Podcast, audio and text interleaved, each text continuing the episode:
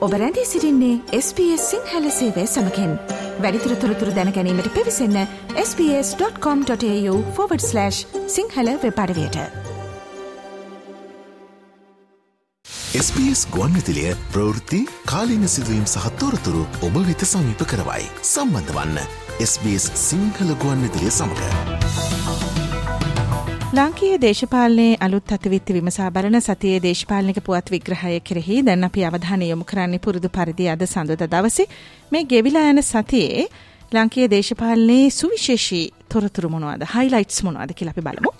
ලංකාවේ සිට තොරතුරු වාර්තාකරණයට සුපුරුදු ලෙසින්ම සම්බන්ධ වෙලා සිටිනවා දැන් මාධ්‍යවේදී මනෝජ් උතටියාවල. ආයිබෝන් සුබෝදෑසනක් මනෝජ්. ආයිබෝන් සුබෝදෑසනක් දිල්රුක්ෂි. අපි මුලින්ම අවධානය යොමු කරමු මේ එක්සත් ජාතික පක්ෂය. එළඹෙන ජනාධිපතිවරණය උදෙසා සූදානම් වීම පිළිබඳව.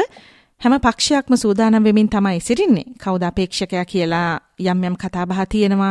විවිධ කණ්ඩායම් එකතු වෙමින් සන්ධානගත වෙමින් තියෙනවා. පක්ෂ අතර සාකච්ඡා තියෙනවා. අපි මේ පිළිබඳව දැන් කතාබහ කරමින් ඉන්නේ ටික කාලෙකින්. හැබැයි එක්සත් ජාතික පක්ෂයේ ජනාධිපතිවරණ ව්‍යාපාරය ආරම්භ කිරීම සඳහා පළමු පියවර තැබුවා කියලායි අපිට තොරතුරු වාර්තා වෙන්නේ. ඒ සම්බන්ධ වන සවිස්තරාත්මක තොරතුරු වලින් අපි එහෙමනම් අද කතාබහ ආරම්භ කරමු මනෝජ්. ඕදිල් රුක්ෂිය එක්සත් ජාතික පක්ෂයේ අපි පසුගිය වැඩසටහනෙත් කිව්ව වගේම කළමනා කරන කමිටුවේදී තීරණයක් අරගෙන තිබුණා ජනාධිපති වරණය මේ අවුරුද්දේ අගෝස්තු මාසය වන විට පවත්වන්නත් මාමැතිවරණය ජනවාරි පවත්වලා මාර්තු අප්‍රේල් වන විට පළාත් සභා පළාත් පාලන මැතිවරණය පවත්වන්නත් සියලු කටයුතු සූදානම් කරලා තියෙනවා කියලා. ඒ පිළිබඳව ඊයේ දවසේ යම් ආරම්භයක් එක්සත් ජාතික පක්ෂය ගත්තා. ගාල්ල දිස්ත්‍රික් ආසන සමුළුව පවත්වලා වජිර අභිවර්ධන පක්ෂ සභාපතිවරයාගේ ප්‍රධානත්වයෙන් තමයි මේ සමුළුව පැවැත්වුණේ. එහිදී ඔවුන් ගාල්ල දිස්ත්‍රික්කය ඒකමතිකව යෝජනා කරා යෝජනා සම්මත කරගත්තා වජිර අභිවර්ධන පක්ෂ සභාපතිවරයා ගෙනාපු යෝජනාව සෙසු සාමාජිකත්වයේ ස්ථිර කරමින් ඉදිරි ජනාධිපතිවරණය සඳහා එක්සත් ජාතික පක්ෂයේ ජනාධිපතිවරණ අපේක්ෂකයා රනිල් වික්‍රමසිංහ වර්තමාන ජනාධිපතිවරයා බව තහවුරු කරා. ඉතින් ඔවුන් කියන්නේ වර්තමානයේ මේ ජනාධිපතිවරයා හැරෙන්න මේ වැඩපිළිවෙල ඉස්සරහට ගෙනියන්න රටට නායකත්වය දෙන්න වෙනත් නායකත්වයක් නැති නිසා ඒ සඳහා සුදුසු නායකත්වය එක්සත් ජාතික පක්ෂයේ නායකත්වය නිසා ඔවුන් ඉදිරිපත් කරනවා කියන කාරණය එක්සත් ජාතික පක්ෂ ගාල්ල බලමණ්ඩලයේදී ඔවුන් තහවුරු කරලා තිබුණා. ඒ අනුව ජනාධිපතිවරණ සටන වෙනුවෙන් එක්සත් ජාතික පක්ෂයේ මැතිවරණ ප්‍රචාරණය ආරම්භ කරපු අවස්ථාව හැටියට තමයි මේ අවස්ථාව හඳුන්වලා තිබුණේ ලබන මාර්තු අප්‍රේල් වෙනකොට ලංකාව මාවරණය වන පරිදි දිස්ත්‍රික් මට්ටමින් එවැනි සමුළු පවත්වලා ඔවුන් ඒ පිළිබඳව යම් ප්‍රචාරණ ශක්තිමත් භාවයක් ඇති කරගන්න උත්සාහ කරන බවත් පක්ෂයම සඳහන් කරලා තිබුණා. දැන් එතකොට මේ කළමනාකරණ කමිටුවේදී රවි කරුණානායකට පක්ෂයේ මහලේකම්කම ලබා දේවි මේවර කියලා යම් බලාපොරොත්තුවක් තිබුණා යම් කතාබහකුත් තිබුණා. හැබැයි ඒක එහෙම වෙලා නැහැ කියලා තොරතුරු වාර්තා වෙන්නේ. ඒ සම්බන්ධව පක්ෂයේ පැත්තෙන් මොනවද වාර්තා වෙන්නේ? ඇයි එහෙම කතාවක් ගියේ? එහෙමනම් ඒ ඒ දේ සිද්ධ නොවුනේ මොකක්ද? පක්ෂ ඇතුලේ පිළිබඳව තියෙන තත්ත්වය මොකක්ද කියලා අපි දැනගන්න කැමතියි.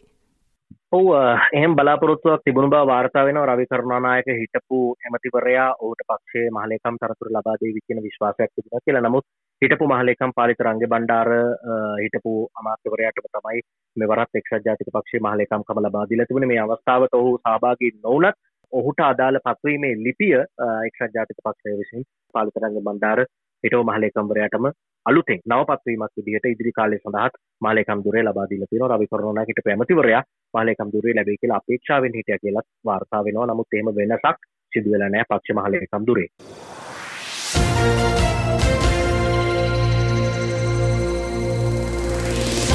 දැන් අපි කිව්වනේ මේ ඉදිරි මැතිවරණ ඉලක්ක කරගෙන විවිධ පක්ෂ අතර යම් යම් සාකච්ඡා තියෙනවා කියලා සඳහන හදා ගැනීම උදෙසා මීට කලින් අපි කිව්ව ඔබට මතක ඇති ඩල සලහ පෙරමුණ ප්‍රමුඛ නිදහස ජනතා සභාව යම් සාකච්ඡා මාලාවක හිටියා සජබෙත් එක්ක. හැබැයි සම්පූර්ණ වශයෙන්ම එකඟතාවලට පැමිණුණේ නැහැ. අවසාන වශයෙන් නිදහස ජනතා සභාවෙන් යම් කොටසක් GLP රිස් ප්‍රමුඛ යම් කොටසක් සජබෙත් එක්ක එක්කාසු වුණා.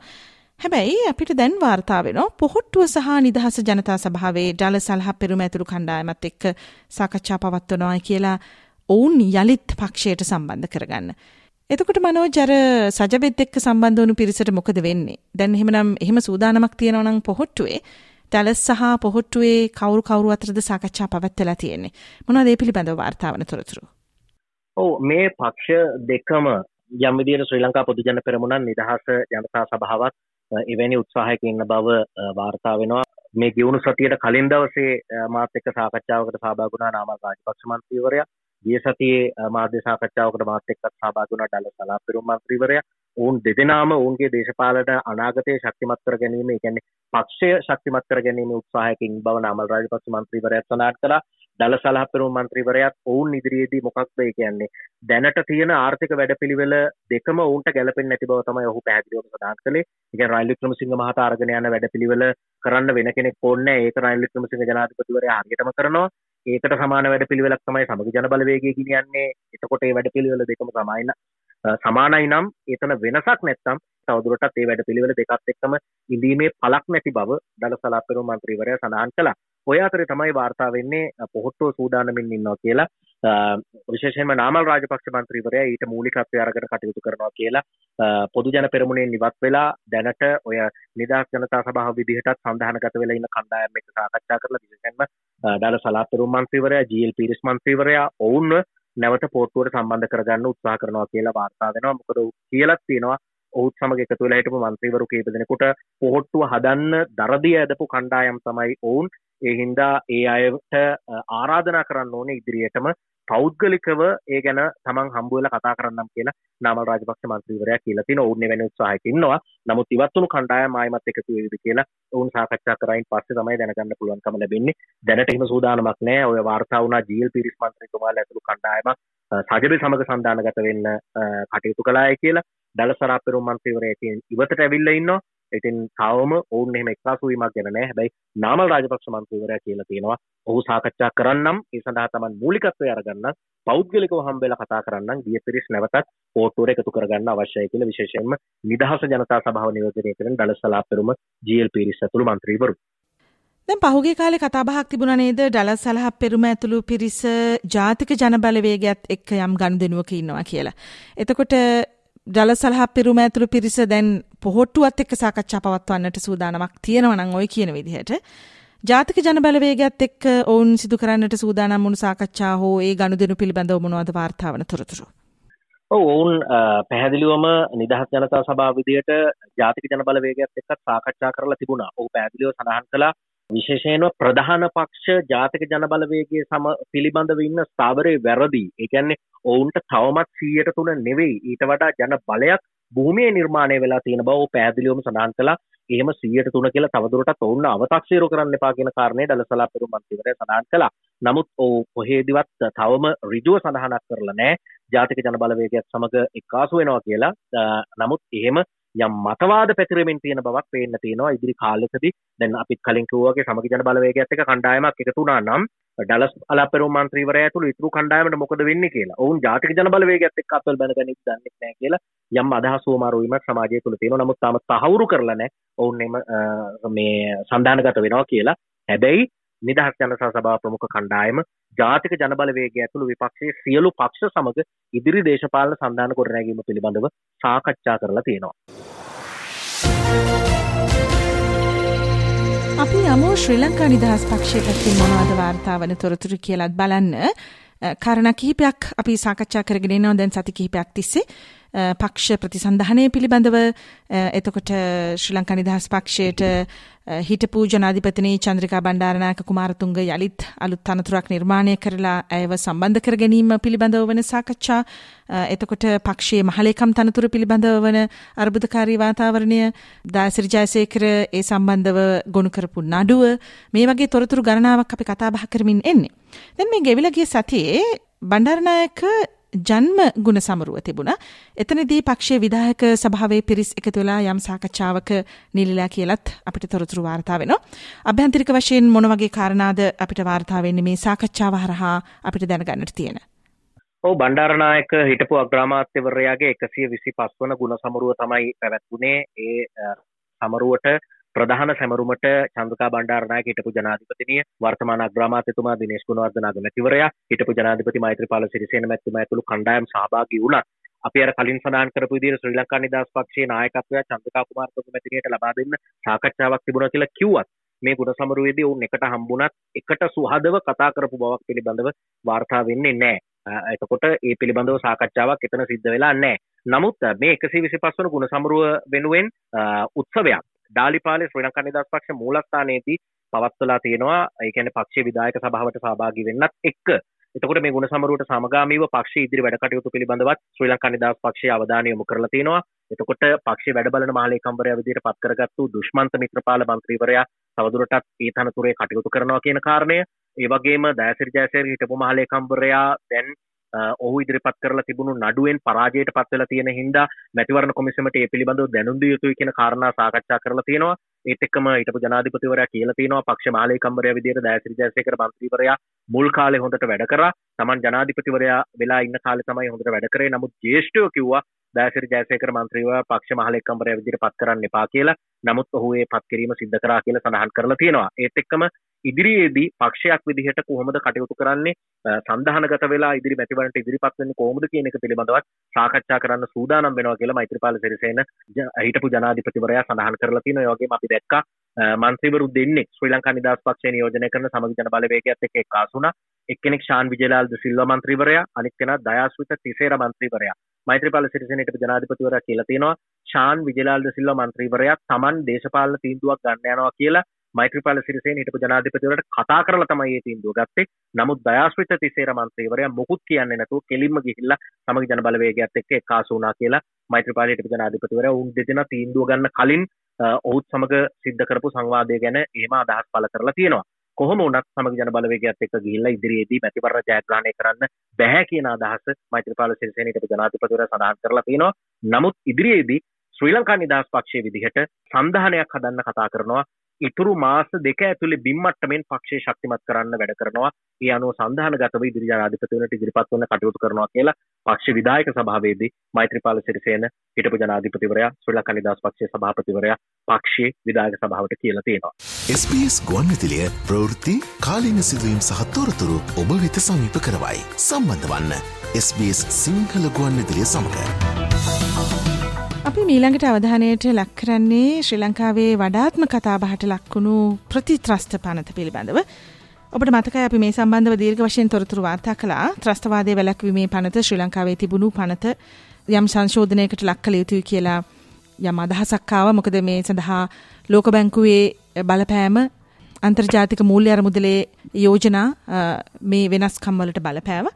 කෙසේ හෝ එය ජාතික ආරක්ෂක පනත එසෙත් නොමතනම් ප්‍රතිත්‍රස්ත පනත යනමයින් ඒ පාර්ලිමේන්තුවට ඉදිරිපත් කළයි දැනට තියෙන්නේ. හැබැයි මේ පනතට ඇතුළත් යම් කරුණු පිළිබඳව විරෝධතා පෙත්සමක් ගොනු කරලා තියෙනවා ජාතික ජනබලවේගය. මම කැමතියි මනෝජ් දැනගන්න ජාතික ජනබලවේගයේ මේ විරෝධතා දක්වන කාරණා මොනවද කියලා. ඔව් විජේදාස රාජපක්ෂ අධිකරණ ඇමතිවරයා ප්‍රතිපක්ෂ පනත පාර්ලිමේන්තුවට ඉදිරිපත් කරලා තියෙනවා පනත් කෙටුම් පත. මේකේ අදාළ සමහර වගන්ති ආණ්ඩුක්‍රම ව්‍යවස්ථාවට පටහැනි කියලා තීන්දුව කරන්න කියලා ඉල්ලා විජිත හේරත් ජාතික ජනබලවේගයේ පාර්ලිමේන්තු මන්ත්‍රීතුමා ශ්‍රේෂ්ඨාධිකරණයට පෙත්සමක් ගොනු කරලා තියෙනවා. එතකොට ඔහු කියන්නේ මේ අන්තර්ගත වෙලා තියෙන සමහර විධි විධාන වලින් යුද හමුදාව පොලිසිය වෙරළාරක්ෂක බලකාය මේ කණ්ඩායම්වලට ඕනම පුද්ගලයෙක් අත්අඩංගුවට අරගෙන රඳවාගෙන තබා ගැනීමේ බලය හිමි වෙනවා. ඒත් එක්කම අත්අඩංගුවට ගන්න අය අත්අනුමතික ලෙස රඳවා ගැනීමේ බලය ආරක්ෂකාංශ වෙතට හම්බ වෙනවා. එතකොට මේ වගන්ති හරහා ආණ්ඩුක්‍රම ව්‍යවස්ථාව සාතික කරලා තියෙන පුද්ගල නිදහස අදහස් ප්‍රකාශ කිරීමේ අයිතිය එවැනි මූලික අයිතිවාසිකම් උල්ලංඝනය වෙනවා. ඒ හින්දා මේ පනත් කෙටුම්පත සම්මත කරගන්න ආණ්ඩුව කටයුතු කරනවා නම් ජනමත විචාරණයකින් සහ පාර්ලිමේන්තුවේ තුනෙන් දෙකක ඡන්දයකින් සම්මත කරගන්න කියලා තීන්දුවක් දෙන්න කියලා තමයි විජිත හේරත් ජාතික ජනබලවේගයේ පාර්ලිමේන්තු මන්ත්‍රීවරයා තමන්ගේ පෙත්සමක් විදිහට අධිකරණයට ඉදිරිපත් කරලා තියෙන්නේ. ප්‍රතිත්‍රස්ත පනත පාර්ලිමේන්තුවේ සම්මත වෙන්න කලින් ජාතික ජනබලවේගය මේ යෝජනා වර්ගන එනවා අන්තර්ගතය පිළිබඳව ඔවුන්ට අර කලින් සඳහන් කරපු ප්‍රශ්න මතුවෙලා තියෙන නිසා. මනෝජය ප්‍රතිත්‍රස්ත පනත පාර්ලිමේන්තුවේ ඡන්ද විමසීමකට ලක් කිරීම පිළිබඳව තොරතුරු වාර්තා වෙනවද?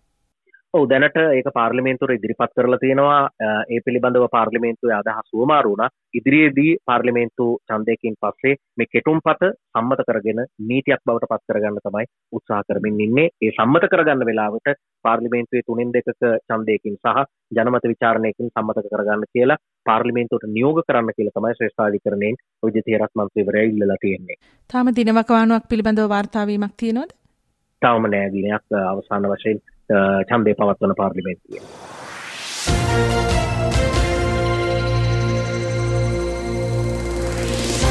මීළඟ අවධානය යොමුවන්නේ කතානායකවරයාගෙන් පාර්ලිමේන්තු මන්ත්‍රීවරුන් සිදු කරපු ඉල්ලීමක් පිළිබඳව විමධ්‍යගත අරමුදල් ලබා දෙන්න කියලා ඉල්ලීමක් කරලා තියෙනවා.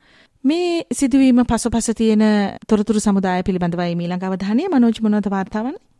ඕ තම තමන්ගේ ප්‍රදේශවලට සංවර්ධන කටයුතු කරන්න මන්ත්‍රීවරුන්ට ඇමතිවරුන්ට හම්බෙනවා විමධ්‍යගත අරමුදල්. එතකොට ප්‍රදේශ සංවර්ධනය කරන්න විමධ්‍යගත අරමුදල් ලබා දෙන්න කියලා විපක්ෂයේ ආණ්ඩු පක්ෂයේ මන්ත්‍රීවරු පිරිසක් ජනාධිපතිවරයාගෙනුයි කතානායකවරයාගෙනුයි ඉල්ලීම් කරලා තියෙනවා ඒක ඔවුන් තරය කරලා තියෙන ඉල්ලීමක් මොකද ඉදිරි මැතිවරණ එනවා නම් ඔවුන්ට තමන්ගේ ආසනයට වැඩ කරලා නැතුව ඡන්ද ඉල්ලන්න අපහසුනුතා වෙන්න පුළුවන්. ඒ හින්දා තමයි විමධ්‍යගත අරමුදල් ලැබිලා නැති හින්දා තමන්ගේ ප්‍රදේශවල සංවර්ධන කටයුතු වලට බාධාවක් වෙලා තියෙනවා දේශපාලන වශයෙන් තමන්ට ගැටලු පවතිනවා කියලා මන්ත්‍රීවරු පෙන්වලා දීලා තිනවා. ඉස්සරහට ඡන්ද තියෙනවා ඒ හින්දා ජනතාව හමුවට යන්න බැරි තත්ත්වයක් උදා වෙලා තියෙනවා කියලා.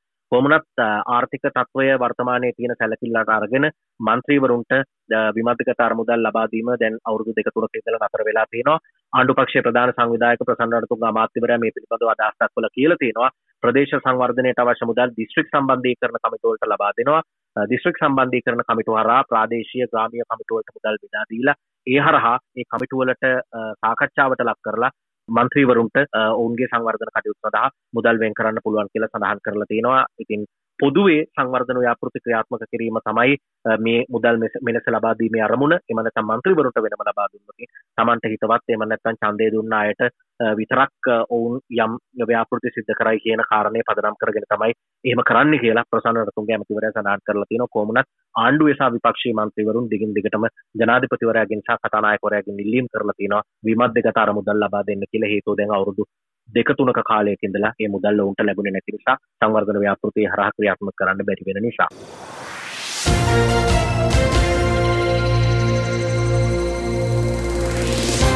යුක්තිය මෙහෙවුම හරහා මද්‍රව්‍ය ජාවාරම්කරුවන් සහ මද්‍රව්‍ය භාවිත කරන පුද්ගලයන් අත්අඩංගුවට ගැනීමේ මෙහෙයුම් පිළිබඳව පසුගිය කාලයක් වනුවේදී දිගට වාර්තා වුණා. හැබැයි එක්සත් ජාතීන්ගේ සංවිධානයේ මේ පිළිබඳව අවධානයෙන් ඉන්නේ කියලා මේ වෙනකොට තොරතුරු වාර්තා වෙනවා. මෙහි පාරදෘශ්‍යභාවය පිළිබඳව එක්සත් ජාතීන්ගේ සංවිධානය යම් විමසීමක් කළා තියෙනවා කියලා. ඔවුන් මොනවද සැලකිලිමත් වෙලා තියෙන කරුණු මේ යුක්තිය මෙහෙයුම පිළිබඳව?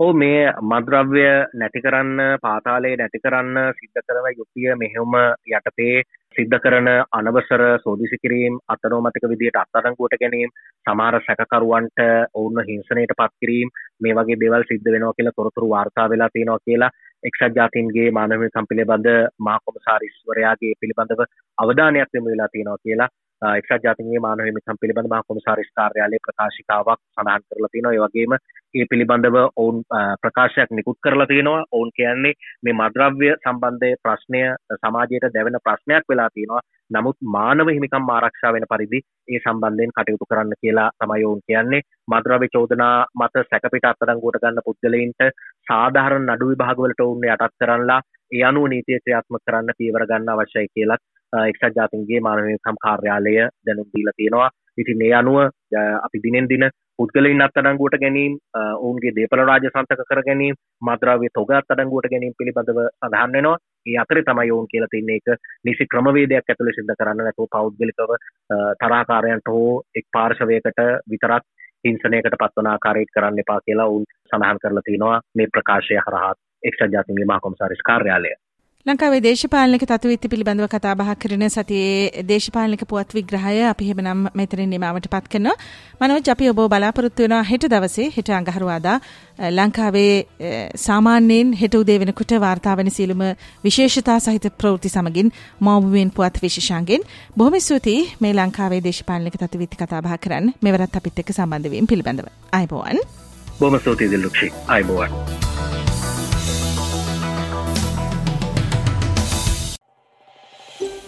මේ වගේ තවත්තොරතුරු දැනගන්න කැමතිද. එහමනම් Apple podcast Google podcast Spotify ඔබගේ පොඩ්කාස්ට ලබාගන්න ඕනෑම මාතයකින් අපට සවන්දය හැකේ.